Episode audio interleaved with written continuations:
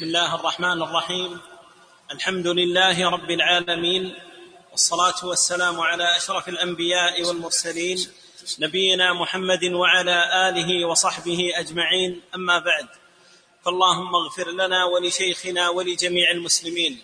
قال الإمام البخاري رحمه الله تعالى كتاب الحج باب الذبح قبل الحلق. حدثنا محمد بن عبد الله بن حوشب قال حدثنا هشيم قال أخبرنا منصور حدث حدثنا محمد. حدثنا محمد بن عبد الله بن حوشب. نعم. قال حدثنا هش هشيم قال أخبرنا منصور بن راذان ابن ابن ز... ابن زاذان نعم. عن عطاء عن ابن عباس رضي الله تعالى عنهما قال سئل النبي صلى الله عليه وسلم عمن حلق قبل أن يذبح ونحوه فقال لا حرج لا حرج. نعم. حدثنا أحمد بن يونس قال أخبرنا أبو بكر عن عبد العزيز بن رفيع عن عطاء عن ابن عباس رضي الله تعالى عنهما قال عن ابن عباس رضي الله تعالى عنهما قال رجل للنبي صلى الله عليه وسلم زرت قبل أن أرمي. قال لا حرج. قال حلقت قبل أن أذبح. قال لا حرج. قال ذبحت قبل أن أرمي. قال لا حرج.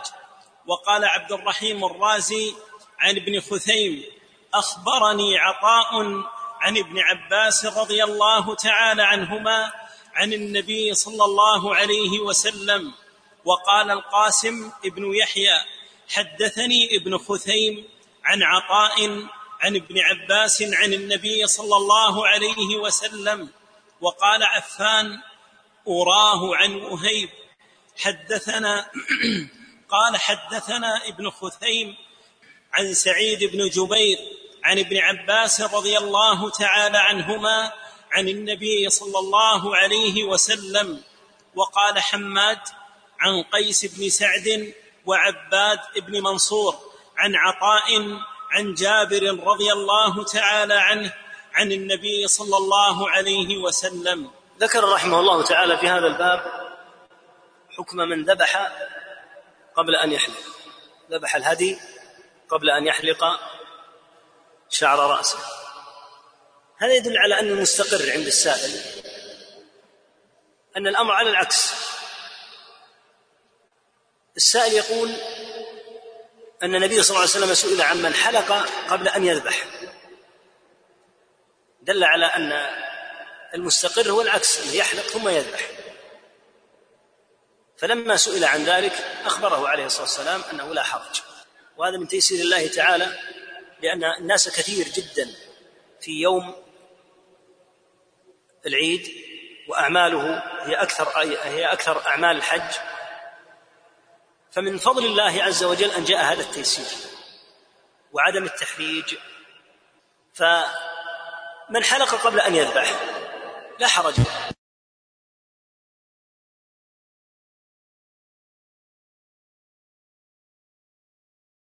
حاج فإنه يأثم ويلزمه في بعضها الدم بل بعضها إذا فرط فيه فسد حجه بالكلية. فمن فاته مثلا الوقوف يوم عرفة ولم يتمكن من الوصول إلا يوم العيد. ما نستطيع أن نقول له لا حرج. نقول فاتك الحج. لا حج لك. لأن النبي صلى الله عليه وسلم يقول الحج عرفة. لكن لو أتيت ليلة العيد ووقفت في عرفة لا بأس. أدركت. ولو كان شمس عرفة قد غربت لكن ليلها باقي. هذا من رحمة الله تعالى. لكن إذا أصبحت مثل الآن صباح العيد ما نستطيع أن نقول لا يقول حجك فات. فينبغي أن نلاحظ أن أمر التخفيف في الحج أو في الصلاة أو في الصوم أو في الزكاة أو في أي معاملة كالمعاملات المالية أو غيرها يجب أن يكون وفق الشرع لا أن يكون وفق هوى الناس. نعم. حدثنا محمد بن المثنى قال حدثنا عبد الأعلى قال حدثنا خالد عن عكرمة عن ابن عباس رضي الله تعالى عنهما قال سئل النبي صلى الله عليه وسلم فقال رميت بعدما أمسيت. فقال لا حرج. قال حلقت قبل أن أنحر. قال لا حرج. شيخنا الشيخ ابن باز رحمه الله حمل الحديث هنا في قوله رميت بعد ما أمسيت. قال يعني رمى الظهر والعصر. وهو يكلم النبي صلى الله عليه وسلم يوم النحر. بعدما أمسيت أي بعدما زالت الشمس. ابن حجر رحمه الله يقول هذا يدل على حكم الرمي بعد المساء. فيه إشعار بأن الأصل في الرمي أن يكون نهارا. الأصل أن يكون الرمي نهارا. هنا يقول رميت بعدما أمسيت. هل المقصود أمسيت دخلت في المساء؟ المساء إذا جاء بعد العصر فهو مساء. أو المقصود به عكس سيأتي إن شاء الله تعالى الكلام عليه بعد أبواب بإذن الله تعالى. الرجل يتكلم يوم النحر. يوم النحر معلوم أن الرمي يكون له فيه مزية تختلف عن الرمي في الحادي عشر والثاني عشر والثالث عشر. وهو أن الرمي يوم النحر يبدأ من الصباح. أما الرمي في الحادي عشر والثاني عشر والثالث عشر فالصحيح الذي عليه الجماهير المعروف وفتوى عطاء الثابته عنه لا الفتوى المرويه عنه بسند ضعيف أن الرمي لا يكون إلا بعد الزوال. فلا يرمى إلا بعد الزوال هذا الصحيح هو الذي عليه العمل سنين طويلة.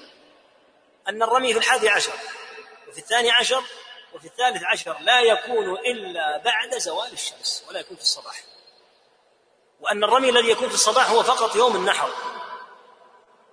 وثبت التفريق عنه عليه الصلاة والسلام بأنه رمى يوم النحر في الصباح وفي الحادي عشر ظل صلى الله عليه وسلم حتى زالت الشمس ولم يرمي إلا بعدها.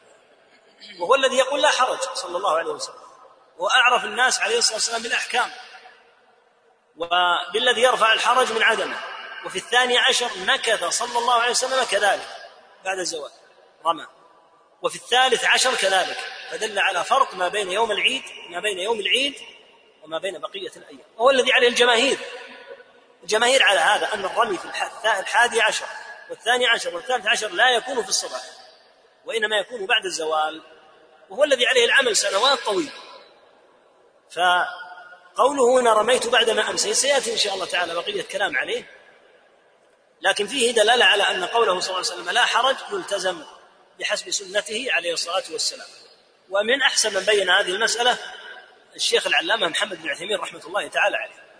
وبين لماذا يلزم الرمي بعد الزوال. وبين أن النبي صلى الله عليه وسلم أعظم الناس شفقة على الأمة. وأنه لو كان يسوغ الرمي في الحادي عشر والثاني عشر والثالث عشر قبل الزوال والله عز وجل يقول فيه صلى الله عليه وسلم بالمؤمنين رؤوف رحيم. لما تأخر هذا التأخر؟ لأن في لأن في هذا نوعا من الإضرار بالحجاج. لو كان الصواب أن يرمى قبل الزوال. فإن الحجاج بحاجة كما تعلم إلى الوقت. وفي مثل أيام الشتاء تكون فترة الرمي ساعات قصيرة إذا قلنا أنه بعد الزوال هو الصحيح. فإذا كانت الشمس تغرب مثلا الخامسة والنصف في أيام الشتاء في مكة. فمعنى ذلك أن بعد الزوال فترة محدودة بنحو خمس إلى ست ساعات. فكونه صلى الله عليه وسلم يمكث هذه المدة ولا يرمي إلا بعد الظهر يدل على التفريق بين يوم العيد وبين بقية الأيام وهو الصحيح الذي لا شك وإلا فلو كان يسوغ الرمي قبل الزوال لما تأخر صلوات الله وسلامه عليه هو الأشفق والأرفق بالأمة في ثلاثة أيام متوالية لا يرمي إلا بعد الزوال يخص يوم العيد بالرمي في, آه، قبل الزوال. فدل على الفرق وهو الذي عليه العمل. الفتوى القول بأن عطاء رحمه الله تعالى كان يفتي وهو مفتي أهل مكة ويفتي في الحج. قال عطاء رحمه الله وردت عنه روايتان. الرواية الضعيفة أنه يرمى قبل الزواج والرواية الثابتة عنه أن الرمي بعد الزواج. كيف يؤخذ بالرواية الضعيفة وتترك الرواية الثابتة عنه رحمه الله. نعم.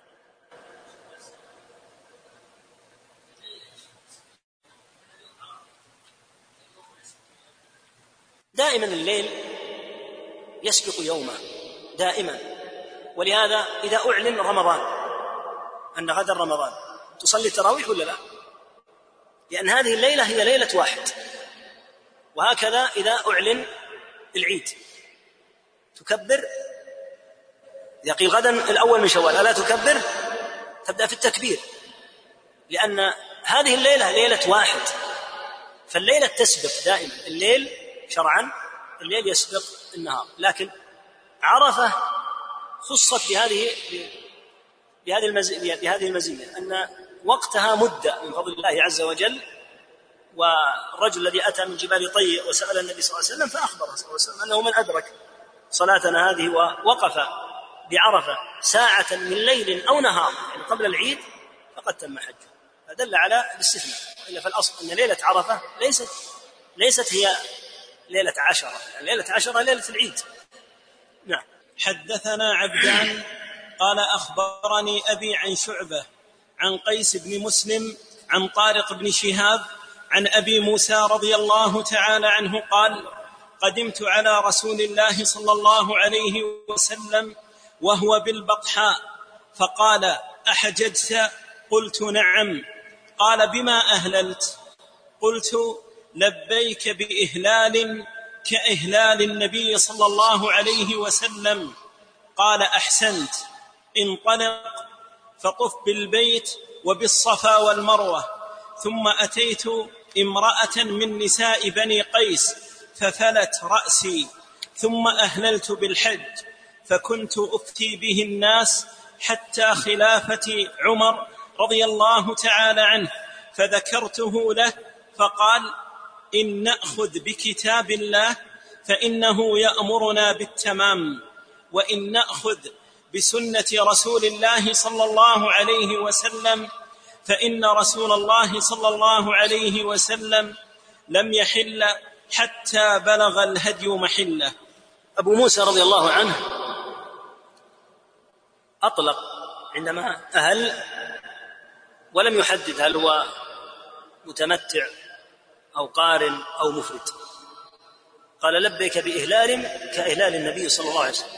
هذا يجوز أن يهل بإهلال على وفق ما يهل به فلان مثلا. فإذا لقيه قال بما أهللت فيخبره. هنا أراد التأسي بالنبي صلى الله عليه وسلم. علي رضي الله عنه نفس الوضع. أهل بإهلال النبي صلى الله عليه وسلم. ما فرق أبو مو... ما فرق أبي موسى عن علي رضي الله عنه؟ علي رضي الله عنهما جميعا. علي ساق الهدي معه وهي بقية البدن. فأمره عليه الصلاة والسلام أن يمكث على إحرامه. كما تقدم أن من ساق الهدي فإنه يمكث على إحرامه حتى ينحر يوم العيد. أبو موسى رضي الله عنه لم يسق الهدي. فلما لم يسق الهدي اولا النبي صلى الله عليه وسلم صوبه في هذا الإحلال في هذا الإهلال قال لبيت لبيك بإهلال كإهلال النبي صلى الله عليه وسلم قال أحسنت. لأنه لم يسق الهدي قال انطلق فطف بالبيت وبالصفا والمروة. أي أنه سيعتمر عمرة. قال ثم أتيت امرأة من نساء بني قيس من قراباته. هذا السبب في كونها فلت رأسه لأنها من قراباته ففلت رأسه. يعني أنه تحلل من عمرته. لهذا قال ثم أهللت بالحج. يعني لما جاء اليوم الثامن أهل بالحج. قال فكنت أفتي به الناس. يعني أنه جمع في حجه عمرة جمع في سفره عمرة وحجة. حتى خلافة عمر رضي الله عنه فذكرته له فقال إن أخذ بكتاب الله فإنه يأمرنا بالتمام. يعني في قوله تعالى وأتموا الحج والعمرة لله. وإن أخذ بسنة رسول الله صلى الله عليه وسلم فإن رسول الله صلى الله عليه وسلم لم يحل حتى بلغ الهدي محله عمر رضي الله عنه كان يرجح ولا يلزم كان يرجح ترجيحا ويختار اختيارا. أن يكون المسافر يسافر مفردا للحج. حتى لا يخلو البيت بقية العام فيعتمر الناس لاحقا. فكان يختار أن يفردوا الحج حتى لا يعرو البيت ويقل زواره لأن من حج واعتمر في سنة واحدة فإنه لو طرأ عليه طارئ العمرة يقول قد اعتمرت مع حجتي. أما إذا أفرد الحج فإنه يقول أنا حججت مفردا. فبعد أشهر يقول سأحج سأعتمر أني لم أعتمر مع حجتي. وهذا اختيار ما كان يلزم به أحد لكنه كان يرجحه. والصحيح أن التمتع أفضل وأن عمر رضي الله عنه ما كان يلزم به أحد لكنه كان رأيا رآه واختيارا اختاره رضي الله تعالى عنه والنبي صلى الله عليه وسلم مكث على إحرامه لأنه ساق الهدي كما قلنا. ومن ساق الهدي فإنه يبقى حتى يكون النحر في يوم العاشر. نعم. باب من لبد رأسه عند الإحرام وحلق. حدثنا عبد الله بن يوسف قال أخبرنا مالك عن نافع عن ابن عمر عن ابن عمر عن حفصة رضي الله تعالى عنهم أنها قالت يا رسول الله ما شأن الناس حلوا بعمرة ولم تحلل أنت من عمرتك؟ قال إني لبت رأسي وقلدت هدي فلا أحل حتى أنحر. تلبيد الرأس المسافر كما المعتمر كما هو والحاج كما هو معلوم ليس له أن يغطي رأسه. وإذا لم يغطي رأسه فإن شعره مع مسافة الطريق ومع الغبار ومع الشمس قد يتغير ويكون له رائحة غير جيدة. فكانوا يجمعون الشعر ويضعون عليه ما هو شبه الصمغ بحيث إنه يتلبد فيكون هذا أنظف للشعر لأن المسافر إذا جمع شعره هكذا بصمغ لم يدخل الغبار بين أثنائه يعني في أثنائه كما لو كان مفرقا. فمن لبد رأسه عند الإحرام وحلق. سألت حفصة رضي الله عنها النبي عليه الصلاة والسلام ما شأن الناس حلوا بعمرة ولم تحلل؟ النبي صلى الله عليه وسلم لما قدم واعتمر بقي على إحرامه. الذين لم يسوقوا الهدي كما تقدم أمرهم عليه الصلاة والسلام بأن يتحللوا من عمرتهم وكانوا قد اعتادوا أنهم إذا أتوا إلى الحج يستمرون على إحرامهم حتى ينتهوا من أعمال الحج. فأمرهم عليه الصلاة والسلام أن يحلوا من عمرتهم وبقي هو صلى الله عليه وسلم لم يحل. فسألته قالت ما شأن الناس حلوا بعمرة ولم تحل أنت من عمرتك؟ قال إني لبت رأسي وقلدت هدي فلا أحل حتى أنحر. لأنه ساق الهدي صلوات الله وسلامه عليه فلا يتمكن من ساق الهدي من التحلل حتى ينحر الهدي التي ساق. نعم. باب الحلق والتقصير عند الإحلال. حدثنا أبو اليمان قال أخبرنا شعيب بن أبي حمزة قال نافع كان ابن عمر رضي الله تعالى عنهما يقول حلق رسول الله صلى الله عليه وسلم في حجته نعم. حدثنا عبد الله بن يوسف قال أخبرنا مالك عن نافع عن عبد الله بن عمر رضي الله تعالى عنهما أن رسول الله صلى الله عليه وسلم قال اللهم ارحم المحلقين. قالوا والمقصرين يا رسول الله. قال اللهم ارحم المحلقين. قالوا والمقصرين يا رسول الله. قال والمقصرين. وقال الليث حدثني نافع رحم الله المحلقين مرة أو مرتين. قال وقال عبيد الله قال وقال عبيد الله حدثني نافع وقال في الرابعة والمقصرين. نعم. حدثنا عياش ابن الوليد. قال حدثنا محمد ابن فضيل. قال حدثنا عمارة ابن القعقاع عن أبي زرعة عن أبي هريرة رضي الله تعالى عنه قال قال رسول الله صلى الله عليه وسلم اللهم اغفر للمحلقين. قالوا ول قالوا وللمقصرين قال اللهم اغفر للمحلقين قالوا ولل قالوا ولل قالوا ولل قالوا وللمقصرين قالها ثلاثا قال وللمقصرين. نعم. حدثنا عبد الله ابن محمد ابن أسماء قال حدثنا جويرية ابن ابن أسماء جويرية. جويرية ابن أسماء نعم. عن نافع أن عبد الله قال حلق النبي صلى الله عليه وسلم وطائفة من أصحابه وقصر بعضهم. نعم. حدثنا أبو عاصم عن ابن جريج عن الحسن بن مسلم عن طاووس عن ابن عباس عن معاوية رضي الله تعالى عنهم قال قصرت عن رسول الله صلى الله عليه وسلم بمشقص. هذا الباب في بيان أن ثمة تخييرا للحاج والمعتمر بين أن يحلق شعره وبين أن يقصره له ذلك. وهذه من حكمة الشرع. الشرع يأتي بأحكام. منها ما هو على سبيل التخيير ومنها ما هو على سبيل الوجوب ومنها ما يجعل للعبد فيه نوعا من الهمة إن رغبها طلبها. فمن ذلك أن من أعمال الحج التي لا بد منها وهو نسك. الحلقة والتقصير نسك. الأفضل لا شك أنه الحلق. وما المراد بالحلق؟ المراد بالحلق استعمال الموس الذي يزيل أصول الشعر. الناس الآن يسمون هذا الذي يتعاطى الحلاقة يسمونه الآن الحلاق. فإذا يقول حلقت شعري. ما دام أنه لم يتعاطى بالموس فإنه لا يسمى حلاقة يسمى تقصيرا. فلو أنه مثلا استعمل الآلة هذه الماكنة فإنها ليست حلقا لا يزال في نطاق التقصير. لأن الموس ماذا يفعل؟ يأخذ أصول الشعر.